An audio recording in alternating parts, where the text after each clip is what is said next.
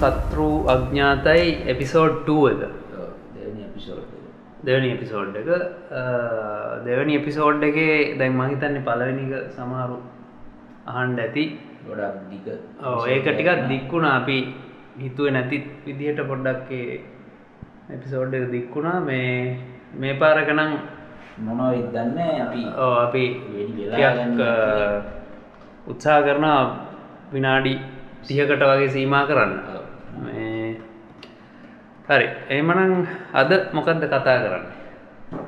ඉතින් ශේෂයෙන්ම කලාව ගැන පොඩ්ඩක් කතා කරතුන කලාව? කලාග මේමයි ලංකාවේ දැන් තියෙන අර ජනප්‍රිය ධාරාය කලාව එක්ක මේ මෑතකාලීන ආපු ටෙලිනාට්ට කීපයක් තියෙනවා. හ්ම්. අපි හැමෝම බැලපු හොම ජනප්‍රියච්ච ටෙලිනාට් කූඩියෝ සහ සහෝදරයා ටෙලිනාට් ඊට පස්සේ ඊට පස්සේ. ටෙලිනාට් එහෙම කීපයක් තියෙනවා. ඒ ගැන මම හිතනවා ගොඩක් අය ගොඩක් දේවල් කතා කරා. පහුගිය කාලේ සෑහෙන්න කතා වුණා. ඒ ගැන තව ගොඩක් කතා කරන එක තේරුමක් නැහැ කියලා හිතෙන්ද ඇති. හ්ම්. හිතෙන්ඩක් පුළුවන් දැනුත් හිතෙයි. හැබැයි ඒකින් මතු නොවිච්ච කාරණාවක් අ, මට කලික් වුණා. හ්ම්. කියාගන්නට අවස්ථා ආවෙන මොකක්ද මෙමයි සහෝදරය ටෙන්නාටට කලින් අපි කූඩියෝ ටගන්න කූඩියෝ පටන් ගන්න මේ ත්‍රීල ඩ්‍රාම කියන කැටගරීකිරින් ටෙන්නාටයක් එකනිකං පොලිටිකල් ත්‍රීල එකක් වගේ. දේශපාලනය ඇඳ ගත්තට අරන්නේ එතනම ලංකාවින් දේශපාලනයේ මත් නෙමෙයි. ඔප දේශපාලය ඔහොම තමයි. ඒකමනේ මං කියන්නේ. කූම්බියෝ ටෙල්නාට්ටේ කතා නායකයා ජෙහාන්.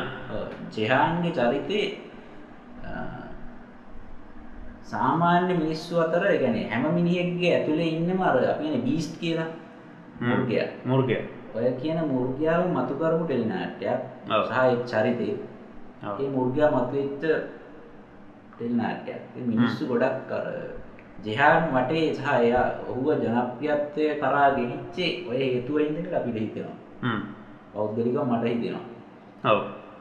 ඔව් ඒක දැන් ගොඩක් අය කූම්බියෝ ටෙලිනාට්‍ය බොහොම තදින් වැළඳගණ්ඩ එක හේතුවක් තමයි ඒකේ හිටපු ඒ ජෙහාන්ගේ චරිතය. ඒ ඒ චරිතය ඇත්තටම මේ කොන්නාටිස් කෙනෙක්නේ.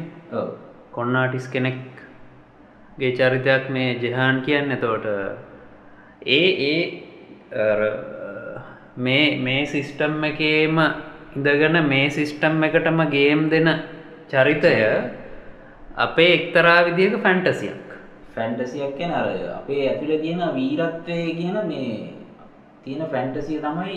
ජෙහාන් මතු පෙන්වන්නේ මතු කරලා අ, තියන අපිට කරගණ්ඩ බැරි සමහර දේවල්.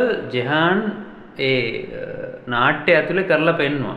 තොට සමහර කාරණා අපිටත් නිකං උත්සා කරන්න හරි පොඩි ආසාාවක් ඇති වුණා එයා ඒ කරපු දේවල් නිසා. ගොඩක් අය හැබැ අපි- අපිට කවදාතෝක් කරන්න බෑ. හේතුවර අපි ගිය පාර කතා කරපු මාතෘකාවත් පොඩ්ඩා සම්බන්ධ අපි හරි ස්ට්‍රක්චර් ඒ හින්දම තමා කරන්න ඒක හැබැයි මෙහෙම ගන්නවක් තියෙනවා එහෙම පොඩි හරි උත්සාහයක් ගත්තු පිරිස් ඇති. හ්ම්. කියන්න වගේ චරිතයක් වෙන සාමාන්‍ය ඇවිදින විදිහ. ඔව්. ඊපස්සේ අඳින පළඳින. සමහර ඒ ටයිප් එකට මේ මේ තමන්ගේ පෙනුම පවා හදාගන්න උත්සාහ කරන්න ඒක බොරු කියන්න බෑ. තමන්ගේ ප්‍රතිසාක්ෂී දන්නවා. ඊට පස්සේ එයාගේ සහායකයා විදිහට හිටපු ප්‍රියන්ත. ප්‍රියන්ත මහල්පතිකුම කියන චරිතේ ඒ කියන්නේ අපේ කල්ලගුණ සේකර අතිදක්ෂ රංග ශිල්පියෙක්. කලන ගැනත් පොඩ්ඩක් කියන්න ඕන මේ. කියන්න ඕන.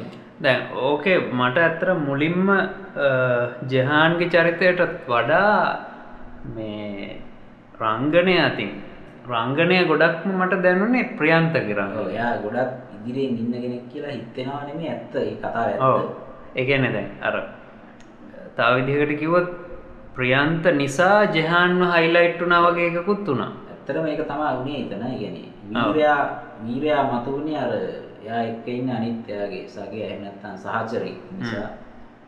ප්‍රියන්ත සදන් නොදන්න සමහර දේවල් ජෙහාන්ගෙන් අහලා දැනගත්තා. ජෙහාන් එයාට ඉගැන්නුවා. ඒ එක්ක තමයි දැන් බුද්ධ චරිතේ දේවදත්තහින්ද බුදුහාදුර ඔව්, ඔව්, ඔව්. මගේ කාරණාව. ඒක මේක එහෙම එකක් නොවනට ඒම කතන්දරයක් තමයි ගැන ප්‍රධාන නළුවට තියෙන සහය දක්වන සහය නළුවගේ මේ භූමිකාවත් එක්ක තමයි ගොඩක් මේ ජිහාන් කියන චරිත මිනිස්සු ආදරෙන් බැඳගත්තේ ඔව්. ගෙන මහිතන අදටත් ගොඩක් ජනප්‍රී නළුවෙක් මහිතන ඊයේ පෙරේදා කූබිගොල ෆෑන් බේසේ ගොල දැක්කන මේ ජූනි දොලා හෝ දාතුන සම්මානයක් හම්බුණන්නේ පොටෝ එකක් දාලා තිබා බොහෝ දෙනෙක් අදටත් මේ ගොඩක් රියක්ෂන් දාලා ලයික්ස් දාලා අපිට තේරෙනයිනේ ඔහු ගැන තාම ඒ ආකර්ෂණය අයින් වෙලා නැහැ කියලා. වෙන ඉස්සරහට එන්න තියෙයි කියලා. මෙහෙමයි දැන්. කලන ගුණසේකර එහෙමනත් කලන ගුණසේකරට සහ දෙහාන්ට මිනිස්සුන්ගේ අර ඒ කාලේ තිබුණ ආකර්ෂණේ තාම අඩු වෙලා නැහැ. ඒ වගේම මේ මෑතකදී හම්බුණා අපේ කලන ගුණසේකරට හ්ම්. මහිතන්නේ මේ මොක්හරි මේ එක සම්මානයක්. හම්බුණා. සම්මානයක් හම්බුණා ඔහුගේ කල්නගේ රඟපෑම ගැන කතා කරනවා නම්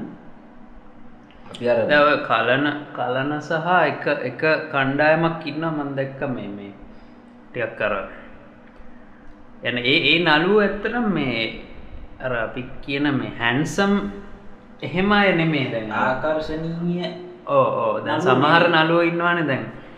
අර ජහන්ගේ- ගැහැණු ළමුන්ගේ ආකර්ෂණය දිනාගන්න ඔව්. පෞරුෂයක් තියෙන ජහන්ගේ- ඇඟ හොඳට තියෙන රූපය හොඳට තියෙන. ජහන්ගේ ලක්ෂණය තිබ්බා. ජහන්ක තියෙනවා ටිකක්. හැබැයි කලනගෙයි තව ඔය වගේ තව දසුන් පතිරන. ඔව් එයත් වැඩිය ඕ එහෙම පෙනුමක් තියෙන නළුනේ බලනාර මේ මේ එයාගේ තියෙන අර අමුතු හැකියාවක් අර ඒ චරිතය ඇතුළටම ඔව් දව කලන සහ දසුන් ඔය වගේ තව තවර කවුද? ජගත් මනුවරණ ඔව් ඔව් ඔව්. ඒ වගේ නළුවෝ නිලියෝ නිලියෝනම් අඩුයි හැබැයි. සමනලී මහසේලා ඔව්. කොමර ඒ ඒගොල්ලන්ගේ අපි දකින්න මේ රූපය ඉස්මතු කරනාට වඩා භාව ප්‍රකාශනය නේ? ඔව්, ඔව්, ඔව්. ගැන ඒ චරිතයට අනුගතවීම තමයි හොඳින්ම අපි දකින්න. ඒක ඒක ගොඩක් සාර්ථකයි කියලා හිතනවා. කවුද? කලන සහ ඒ වගේ පිරිසක් කරන වැඩේ. ඉතින් මේ දැන් අපි කතා කරේ කුඩියෝ ටෙල්නාට් ගැන මුලින් කතා කරනවා කියලා කිව්වර ඒකම නෙමෙයි අපේ අරමුණනේ ඔව්. කුඩියෝ සහ සහෝදරයන් ටෙල්නාට් දෙකම එක්ක ලංකාවේ මේ මේ ඔඩියන්ස් එක. ටෙල්නාට් බලන පිරිස ආයේ ටීවී එක වටේ නිදගත්ත කියලා එක ගොඩක් අය දන්නවා ගොඩක් අය ගැන කතා කරලා තිබුණා ඒ වගේ මේ අධ්‍යක්ෂවරයා හ්ම්. කුමි ටෙල්නාට්ටේ රත්මාල් ධර්මරත්න වගේම දමිත චන්ද්‍රසිරි ඔව් ඒ කට්ටිය අදහස් ප්‍රකාශ කළ තිබුණ මේ මේ ටීවී බලපු නැති කට්ටිය ආයේ ටීවී එකට ඉල්ලගත්ත කියන එක. ඇයි මෙහෙම මිනිස්සු මේ තත්ත්වයට ආවේ? එහෙම නැත්නම් මේ මිනිස්සු ඇයි ආයේ ටීවී බලන්න ගත්තේ මේ ඇයි මෙහෙම ටෙන්නාටවල මිනිස්සු කැමති කියන එක අපි පොඩ්ඩක් කතා කරන්න ඕනේ. හ්ම්. පළවෙනි කාරණේ ලංකාවේ මිනිස්සු මේ මේ හරි පීඩණයෙන් ලක් ලක්මාල් ධර්මරත්න එක අවස්ථාවක කිව්වා වගේ ලංකාවේ මිනිස්සු හරි පීඩණයෙන් එහෙම නැත්නම් අපි අර මුල් වතාවෙම කතා කරාගේ ගොඩක් ලොකු තරගයක. ජීවිතේ ගෙනියන අර එදිනෙදා අවස්ථා ඉෂ්ට කරගන්න. එහෙම නැත්නම් තමන්ගේ එදිනෙදා ජීවිතේ එදිනෙදා වියදම් එදිනෙදා අවශ්‍යතා ඉෂ්ට කරගන්න මිනිස්සු ලොකු තරගයක් දෙනවා. ඒ තරගයේ නිර්මාණය වෙලා තියෙන හින්දාම මිනිස්සුන්ට ඕනේ මොකක් හරි රිලැක්සේෂන් එකක්. මොකක් හරි හේතුවක් අල්ලගෙන මිනිස්සුන්ට ඕනේ හැම වෙලේම අර ඒක වටා එකතු වෙන්න. ඔව් ටූබියෝ ටෙල්නාට්ටේ ඔය කතාව ඔය මිනිස්සුන්ගේ අවශ්‍යතාව තිබුණ කාලෙක තමයි ටූබියෝ ටෙල්නාට්ටය මේ- රූපවාහිනියේ විකාශයට පටන් ගත්තේ. ඒ කාරණාව හින්දා තමයි ගොඩක් ටූබියෝ සම්බන්ධයෙන් මාස 6ක් විතර කාලයක් මිනිස්සු ගොඩක් කතා කරා. දැනටත් අඩු වැඩි වශයෙන් කතා කරනවා. සහෝදරයත් එහෙමයි. මේ ටෙල්නාට් වලින් අර මිනිස්සුන්ගේ තිබ්බර පීඩනේ යම් තාක් දුරකට අඩු කරා එදිනෙදා ජීවිතයේ Tamanට තියෙන ඒ පීඩනේ පිට වෙන හ්ම්. අවස්ථා කීපයක් ඌමේ ටෙල්නාට් අපිට දකින්න හම්බුණා. ඔව් දැන් කූඹියෝ කූඹියෝ එක තමයි ගොඩක්ම මේ කියන්නේ ඒක අර මේන් ස්ට්‍රීම් ගියා කිව්වොත් ඒ කියන්නේ ඔව්. එක අවස්ථාවකදී ඒක සෑහෙන පිරිසක් අතර ජනප්‍රිය වුණා පීක් එකටම. පීක් එකටම ආවා අ, ඒක ඒක තියෙන ඒ මේ ගලාගනයෑම ඒ කතා ගලාගනයෑම සහ ඒ චරිතවල රංගනය ඊට පස්සේ ඒ ඒ කාරණ ඔක්කොම් බලපාන්න නැති මහිතන් මේ එච්චර මිනිස්සු එකට ආකර්ශණය වෙන්න. හැබැයි ඔය අතරම තවත් නාට්‍යයක් විකාශනය වනා නේතම සහෝදර ඒ සහෝදරයා. සහෝදරයා. සහෝදර යෝ යෝනම යා. එතවට දැන් සමහර වෙලාවට මිනිස්සු හිතන්න ඇති දැන් කූම්බියෝ තරම්ම ජනප්‍රිය නෑ සහෝදරයා කියලා දැන් මටත් මුලින් හිතුන ඔහොම තමයි. මුලදිම මේ කූම්බියෝ තමයි ගොඩක් අර මිනිස්සු නිකන් කෑ ගගහ දැන් අරවාකි වගේ. මොකක්ද කූම්බිකොල කියන ගරුප් එකේම පෑන් බේස් සෑහෙන මේ පිරිසක් ඒ සම්බන්ධව කෑගහනවා ඒකට මනාදර ස්පොයිලර්ස් වගේවා දානවා. ඒක ඉස්සරහට වෙන්න තියෙන දේවල්ගෙන ඒ වගේ සෑහන උනන්දුවක් අපි දැක්ක. හැබැයි සහෝදරයා ටෙලිනාට්ට එහෙම එහෙම දෙයක් අපි දැක්කේ නෑ ඒකර ගොඩක් කලාව පැත්තරම ගොඩක් ගියපු එක. නමුත් මට පස්සෙ දැනිච්ච දේ තමයි සහෝදරයා කියන ටෙලිනාට්‍ය පූම්ියෝකට වඩා අපිට කිට්ටුයි කියන එක.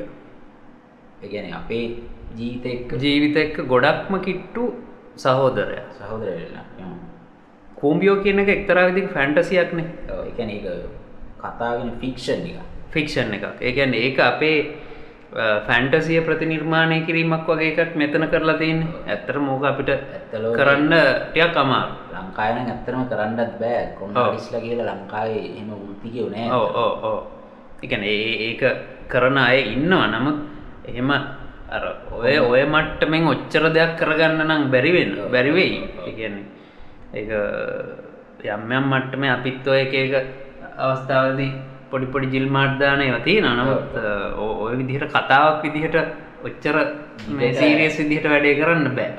මග අවුරුදු හතරක්ක ප්ලෑන් එකක් ඒම කරන්න බෑ. ඕ ඕන කරන්න ගොඩක්. ඔව්.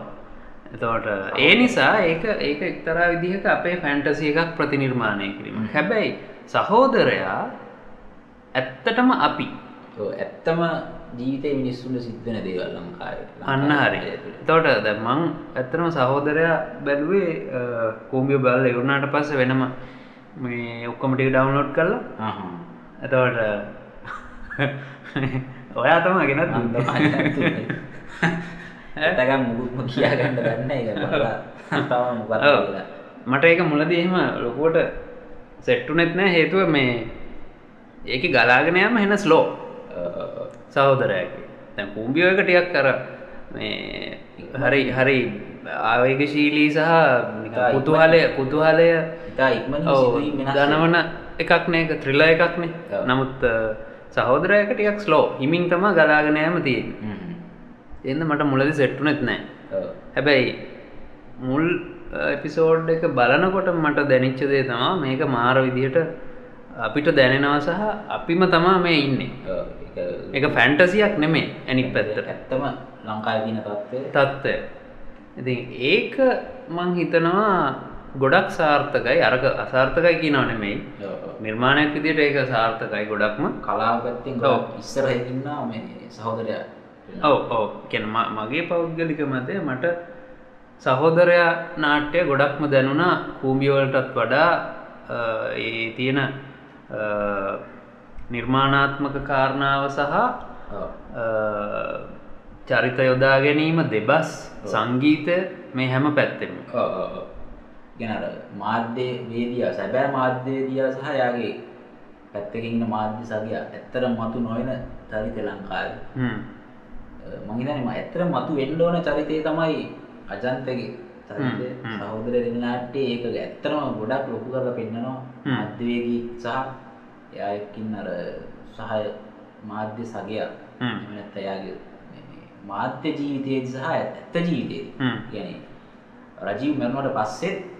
එයාගේ අර එයාගේ බිරිඳ කියන්නේ උත්තරාදේවී ඊට පස්සේ එයාගේ අම්මා කියන්නේ ඒගොල්ලන්ව යම් කාලයක් අජන්ත බලා ගන්නවා කියන එකෙන් ඔප්පු කරනවා. ලංකාවේ මේ මේ ඉන්න චරිත තමයි මතු කරන්න ඕනේ චරිත කියන එක. ඔව්.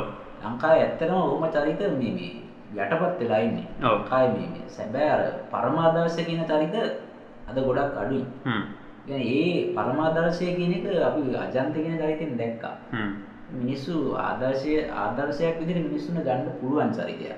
ඒත් ලංකාර මතු වෙන්නේ නැති චරිත. ලංකා ගොඩක් මතු වෙන්නේ මේ දේශපාලන චරිත. මේ කාලෙන හරි වැරදි ඒක.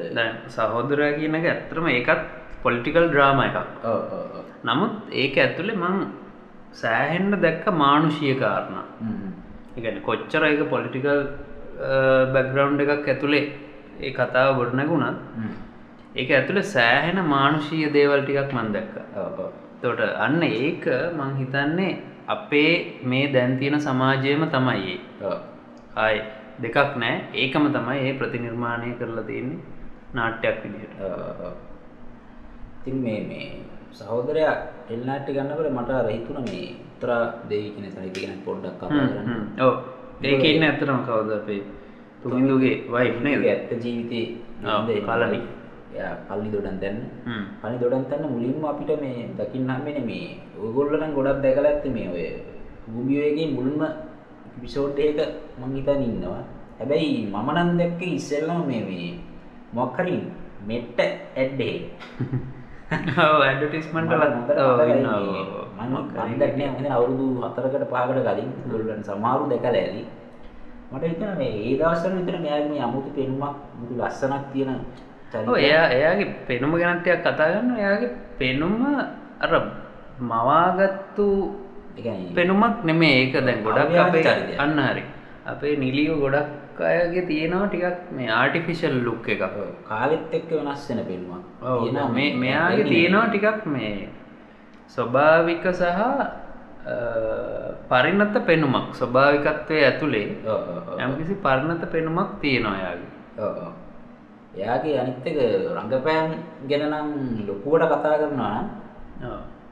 එයා මං හිතන්නේ එහෙම ලොකුවට චරිත නිරූපණය කරපු එක්ක නෙමෙයි. කරපු මං එක්ක හිතන්නේ. නෙමෙයි. එහෙම චරිතාංග නිරූපණය කරන්න පුළුවන් හැකියාවක් දැනට අපි දැක්කේ නෑ. මම දැක්කේ නෑ පෞද්ගලිකව. හැබැයි මේ එයාගෙන් අවශ්‍ය දේ සිද්ධ වුණා ටෙලි නාට්‍යයට. හ්ම්, හ්ම්. පස්සේ කාලේ ටෙලි නාට්‍ය කරන්න බෑවා.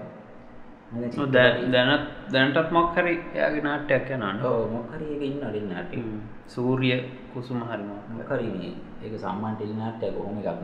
හ්ම්. හැබැයි මේ එයාගෙන් අර ප්‍රකාශ වෙන්න ඕනේ ඒ උත්තරාදේ කියන චරිතයට වෙන්න ඕනේ සාධාරණ. එහෙම නැත්නම් මේ මේ ඒ ඒකත් එක්තරා විදිහක චරිතාංගයක් තමයි. ඇත්ත ජීවිතේ ලංකාවේ මම හිතන්නේ ලංකාවේ ගොඩක් මේ මේ අවුරුදු 50 50 පෙන්නට පස්සේ ලංකාවේ ගොඩක් ගැහැණු අයගේ කොහොම අය තමයි ඉන්නේ සංඥා නිය ගිහිල්ලා හ්ම්. එහෙම නැත්නම් ළමයි රට ගිහිල්ලා අධ්‍යාපනයේ නැත්නම් රැකියාවලට කොහොම තනි වෙන ගෑනුම තමයි ලංකාවේ ගොඩක් ඉන්නේ. මොකද ඒක අර තරුණ ප්‍රජාවට පෙන්වන්න ලේසි විදිහක් තමයි උත්තරාදේවි බොහොම තරුණ එතන වයසේ- අර මට තා පොඩි ප්‍රශ්නයක් ආවා මේ රජීව්ගේ අක්කා ඔව් ඔව් අක්ක බැඳලද මං හිතන්නේ ආ අවිවාහකයි නේද? අවිවාහකයි නේ? ඔය කියන්නේ NGO එක වැඩ කරන වැඩ කරන කෙනෙක් නේ එයත් අර සමාජ සේවා මොකක් හරි. ඒ සම්බන්ධ වැඩ කරන කෙනෙක්. ඒ කියන්නේ ඒ ඒ චර ඒ චරිතයත් ඇත්තටම ගොඩක් තාත්විකයි. චමිලා. ඉතාම තාත්තික චරිතයක්. මට ඒ ගැන එක්කම කියන්න ඕන මේ මේ කවුද. කියන්නේ චාන්දිනී සේනරත් කියන විශිෂ්ට රංගන ශිල්පිනිය. එයා ගැන කතා කරනකොට මම හිතන්නේ සම්මානයක් පවා හම්බෙන්න ඔව්, චරිතයක්. ඒ ඒ චරිතය ඇත්තටම අර මේ ස්නායු දුබලතාවයකින් පැල්න. කෙනෙක්ගේ චරිතයක්නේ එයාට අමතක වෙනවා. ඒ ලෙඩේට මොකක්ද නමක් මනුෂ්‍යාව අන්න හරි, ඔව්. මොකක් හරි එහෙමයක් කියන්නේ.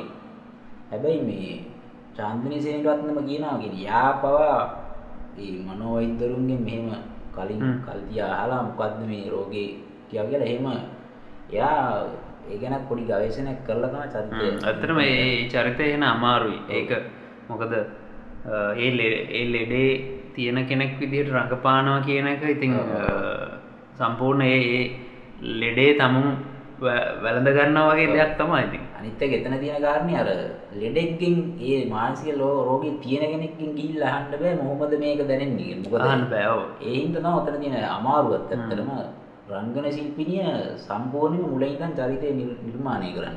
එයාගේ ඒ කියන්නේ පර්සනැලිටි එක.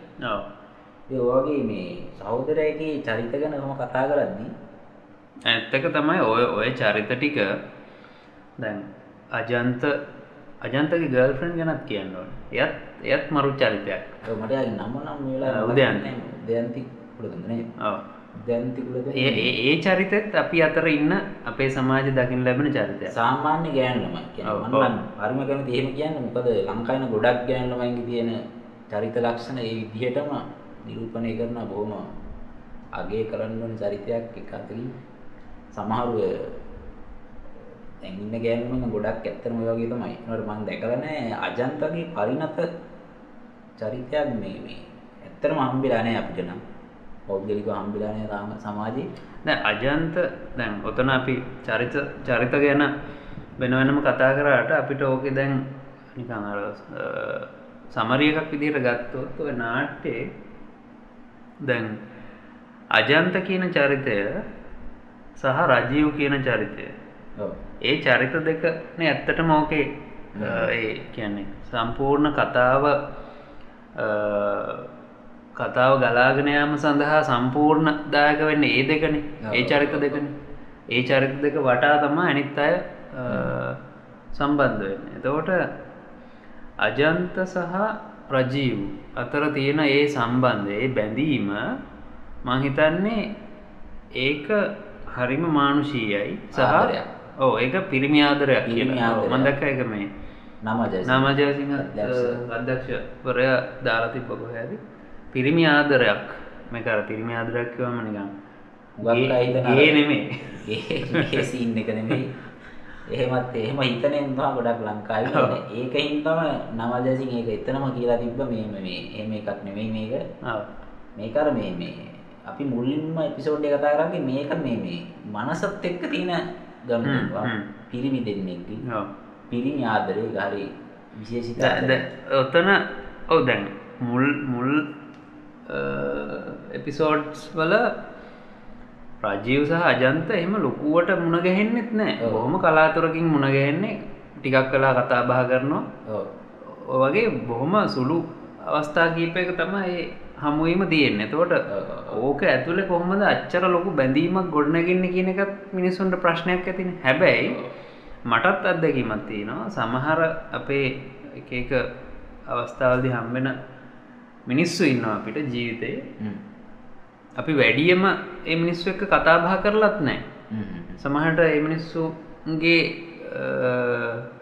දේවල් අපි වැඩිය ෂයා කරගනත් නෑ එහෙම ලොකු ලොකු මේ සම්බන්ධතාවයක් නැති වුණත් බැඳීමක් තියෙනවා. ඒක කියාගන්න බැරි ලොකු බැඳීමක්.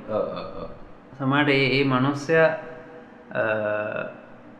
අර රජීවට වනා වගේ හදිසියේ එහෙම මොකක් හරි කරදරයක් වුණොත් අන්න ඒ වෙලාවට ඒ ඒ මනුස්සයාගේ නැතිවීම සම්බන්ධව අපිට ලොකු දැනෙන කාරණාවක් තියෙනවා. දැ ඕකම සමහරලාට අපිට දැනෙනවා. අපි ගොඩක් ආදරය කරන කලාකරුවෙක් හරි. එම නැත්තම් ඒ වගේ කෙනෙක් අපි අතරින් හදිසියේ නැති වුණහම ඒකත් අර එක්තරා ඕ බැඳීමක්. ඕ දැයි ඒ මනුසයක සමට අපි කතා කරලත් නැතිවෙන්න පුළුවන්. නමුත් ඒ ඒක අපිට තදින් දැනෙනවා. අන්න ඒ වගේ කාරණාවත්තම මහිතන්න මේ අජන්තසා රජීවතරත් ඒ තියෙන බැඳීම එක. අව්‍යාජ අව්‍යාජ. සහෝදරත්වය ඔව්. ඒ කියන්නේ සාම සාමාන්‍ය ලංකාවේ නෙමෙයි ලෝකෙ කොහේ වුණත් ගොඩක් එහෙම බැඳීම් දකින්න තියෙන හරි අඩුයි. ලංකාවෙත් අඩුයි. මිනිස්සු මිනිස්සු අතර තියෙන බැඳීම් මේ මේ hina වෙලා කතා කරලා විතරක් මිනිස්සු සීමා කරගෙන ඒ කියන්නේ අපිට ආතල් එකක් දෙන එක. එහෙම නැත්නම් අපි කරන දේවල් මොකද්ද කියන්නේ මේ මේ ඒවට ප්‍රශංසා කරන එහෙම නැත්නම් අපි උඩින් තියෙන කෙනා අගේ කරන ඔව්, අගේ කරන කෙනා ඇගීම් කරන කෙනා තමයි අපේ මිත්‍රයා. කවුරු හරි අපේ. කරන දෙයට බනිනවා නම් එහෙම නැත්නම් විරුද්ධත්වයක් දක්වනවා නම් ඒ කෙනා ගොඩක් ඒවාට අපි කරන්නේ ඈත් කරන එක. හ්ම්. ඒ කියන්නේ ඇත්තටම සහෝදරයා කියන්නේ එහෙම කෙනෙක් නෙමෙයි. සහෝදරයා කියන්නේ වාගේ හොඳ නරක ඔක්කොම මේක මෙතන වැරදි මේක මෙතන මෙහෙම වෙනස් ඕනේ. ඇත්තක ඒ ඔයා කියන. ඇත්තක ඒ නාට්‍ය පුරාටම තියෙන දෙබස් ටික. ඒක තම මට ඊළඟටම ආසම දේ. දැන් කූම්බියෝගේ ඔයවාගේ දෙ බස්නෑ එක තැනක තිබ්බර ලේකම් මොකක් දෙකක් කියන. මේ නමුත් සහෝදරයාගේ එක අර ඩිරෙක්ටර් ඩිරෙක්ටර්ස් කට් එකක් නේද. ඒකෙ තියෙනවානේ ඔක්කොම අර සැන්සර්ඩ් නැති ඔක්කොම. මේ දෙබස් ටික තියෙනවාන කුමාර පටික පවා ඔකුණු හරපටික ඔක්කොම තර ඔය ඔය දෙබස් ටික ඇත්තටම අහනකොට. ඒක ඇත්- මේ මේ කියන අපි අපි යාළුවෙක් කතා කරනකොටත් අපි කවදාවත් මේ දැනගෙන ඕ කතා කරන්නේ මේ අපි හරි සුන්දර වචනම කතා කරන්න ඔව්. ගොඩක් නාට්‍යවල තින්නේ හරි සුන්දර වචන නමුත් අපි එදින එදිනදා ජීවිතයේ යාළුව එක හරි. සමහට කාර්යාලි හරි කතාබා කරනකොට කොච්චරනම් නොගැලපෙන වචන අප්සට් දේවල් කොච්චර කතාබා වෙනවාද. අන්න ඒක ලස්සනට දාලා තියෙනවා මේ කූම්බියෝ එක දෙබස් වල. එක් දෙබසුත් මහිතන්නේ නාමල්ජයසිංහ මන නාමල් ජයසිංහ මලියලා තියෙන්නේ. ඔව ඉතින් ඒ කාරණාව නම් ඉතින් හරියටම ගැලපෙනවා. තමන් අර අගේ කරන එකම නෙමෙයි තමන්ගේ මේ ආධ්‍යාත්මයේ තියෙන දේ හරියටම අඳුනගන්න කෙනා. තමා සහෝදරය කියන එක කියනවා හ්ම්. දැන් අපි මේ මේ හෝදරය සහ කුඹියෝ ගැනමත් නෙමෙයි අපේ ඇත්තට අරමුණුනේ අද මේ ඒක මත් හැදි- හැදිච්ච ඕඩියන්ස් එක ගැන කතා කරන්න ලංකාවේ සහෝදරය සහ කුඹියෝ ටෙලිනාට්ට් එක්ක හැදිච්ච මේ ලංකාවේ ප්‍රේක්ෂකාගාරය ගැන කතා කරොත් ඔයාර මේ මේ ලංකාවේ පාවෙන ඡන්ද කියලා જાතිය ඒ කියන්නේ මේ. කිසිම ලංකාවේ කිසිම මැතිවරණයකදී ඡන්දය ප්‍රකාශ නොකරන පිරිසක් ඉන්නවා. ඔයගොල්ලෝ මැතිවරණ ප්‍රතිඵල බලද්දි 130ක් වගේ කොටසක් ඉන්නවා. ලංකාවේ ආන් එහෙම පිරිසක් තමයි ඔය ටෙලිනාට්ට් එක්කත් එකතු වෙලා තියෙන්නේ කියන්නේ කිසිම පැත්තකට නැති අර මධ්‍යස්ථ අදහස් මධ්‍යස්ථ දේශපාලන අදහස් තියෙන පිරිස. තමයි කූබි කූබි කුල සහ සහෝදර ෆෑන් බේස් එකේ. ඔයගලන්ට යාලගේ අදහස් බලන්න පුළුවන් ඊටාම ප්‍රතිගාමී අදහස් තියෙන අර. දැක්කා ඊට පස්සේ ගොඩක් ප්‍රගතිශීලී අදහස් තියෙන දැක්කා හැබැයි බහුතර මතය ගත්තාම මේ අපි දැක්කේ එහෙම නෑ මිනිස්සු අර ගොඩක් සංයමයක් තියෙන පිරිස් තමයි මේ ටෙලිනාට් එක හිටියේ කියන එක. ගොඩක්ම සහෝදරයගේ. ඔව අන්න නැද ඒ ඒ ටෙලිනාට්ට දෙක හරියටම සෙට්වෙන්නෙත් ඔය කියන පිරිසට ඔව් ඇත්තටම. ඒගැන්නේ අර ඉගැන්නේ අන්තවාදී නැති ඔව්. මැදමාවතේ යන පිරිසක් ඉන්නවන. ඕනම දෙයක් රස විඳින්න පුළුවන් මට්ටමේ. දැන් සමහරු ඉන්නවා මම බලන්නේ ඉන්දියන් ඩබ් කරපුවා විතරයි ඔව්. විමුක්ත මනසක් තියෙන සමහරු ඉන්නවා මම බලන්නේ අ, මොනවද කොරියන් ඩබ් කරපුවා විතරයි ඔය වගේ එම පිරිස් ඉන්න නමුත් නිර්මාණයක් කලා නිර්මාණයක් හොඳ නං ඒක රසවින්දනය කරන්න පුළුවන් පිරිසක්. ඒන්නේ ඕනම හොඳ නිර්මාණයක් ප්‍රසවින්දනය කරන්න පුළුවන් පිරිසක් අපි අතර ලංකා- ඉන්නවා ලංකාවේ ප්‍රේක්ෂකකාර ඉන්නවා කියන එක. තමයි ඔය මතු කරලා වෙන්නේ. පස්සේ මේ වැදගත්ම දේ කියන්න ඕනේ. ඒක මේ අන්තිම වෙලාවේ අපි කියන්නම් මේ පොඩි වෙලාවක් අපි ගන්නෙ. අ, සහෝදරයා සහ කුමු ටෙලිනාට්‍ය වල ඔය හැදිච්ච ප්‍රේක්ෂකාගාරේ. ඇත්තටම ලංකාව මේ මේ මේ තියෙන තත්ත්වය වෙනස් වෙනාට කැමති පිරිසක්. අපේ පෞද්ගලික විශ්වාස කරනවා අපි ඇත්තරම කියන්න බැරි වුණත් ලංකාව එහෙම සංවර්ධනය වෙන රටක් නෙමෙයි ඒක ඔයගොල්ලෝ කොයි විදිහට පිළිගනිත් දන්නේ නැහැ. හැබැයි අපි විශ්වාස කරනවා අපි බලාපොරොත්තු වෙන මොනවා හරි පුංචිම හරි වෙනසක් අ, ඉස්සරහට වෙයි කියලා. හැබැයි ඇත්තටම දැනට එහෙම අපේක්ෂාවක් නෑ අපිට. හරි අපි බලමු ඉස්සරහට මොකක් හරි වෙනසක් වෙයි. ලංකාවේ කලාවේ, දේශපාලනේ, ඊට පස්සේ සමාජ ධාරාවේ ආර්ථිකී පවා මෙහෙම කලා නිර්මාණ ඉස්සරහට හැදෙද්දි හැදෙද්දි හරි පොඩි හරි වෙනස්කම් ටිකක් ලංකාවේ වෙයි. දැනටත් ලංකාවේ තරුණ ප්‍රජාවේ මේ වෙනස්කම අපි දකිනවා. මේ ගොඩක් වැඩිහිටියන්ටත් වඩා ගොඩක් අර ඉතාම ඉහළ මේ මේ විචාරශීලී අදහස් තියෙන තරුණයෝ ඉන්නේ. තරුණ තරුණියෝ දෙගොල්ලම. ඒ ගැන ගොඩක් සතුටුයි ඉතින් අද අපි මෙතනින් එකන් ඔව මෙතනින් අපි ඉවර කරන්නත් ඕනේ. අවසාන වශයෙන් දැන් අපි ඔතන කූම්බියෝ සහ සහෝදරයා නාට්‍යවල තියෙන හොඳ දේවල් කතා කරාට. සමස්තයක් විදිහට ඔය හැම හැම ධාරාවෙම කලා නිර්මාණ අවශ්‍ය වෙනවා. එකන් වාණිජ මට්ටමේ නිර්මාණත් අවශ්‍යයි. මොකද ඒ- නිසා ජීවත්වෙන පිරිසක් ඔව්, ලංකාවේ ඒතකොට- ටෙලිනාට්‍ය නිසා. අපි කියන්න හැම්වලේම මේ වගේම දේවල් කරන්න ඕන කියලා. නමුත් පහුගිය කාලේ ඇත්තනම එහෙම හොඳ දේවල් ටිකක් අඩුයි අපිට දකින්න ලැබුණ. ඉතින් ඒ නිසා මේ වගේ ප්‍රවණතාවක් ආපු එක ගැන සතුටුයි. ඉස්සරහටත් තව එක දියුණුවයි කියලා හිතනවා. ඉතිං නම් අද අපි මොකද ගන්න? නවත්තනාද නවත්තමුණේ ඔව. ගොඩක් මර එපායන ඉක්කම ටෙලිනාට්‍ය ගැන කතා ටෙලිනාට්‍ය වලටත් වඩා අපිට අවශ්‍යනය ඇතර මේ කලාව ගැන ටිකක් කතා කරන්න. ඩියක් තිබ්බනම් හොඳයි ඇත්තරම ගැන අපි වෙන්න එපිසෝඩ්ඩයකින් බලමු. ඔව්. ඔව්.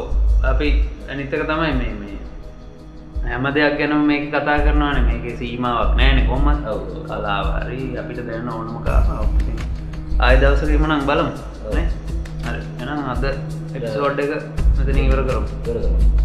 එනම් ස්තුතියමට ජයවා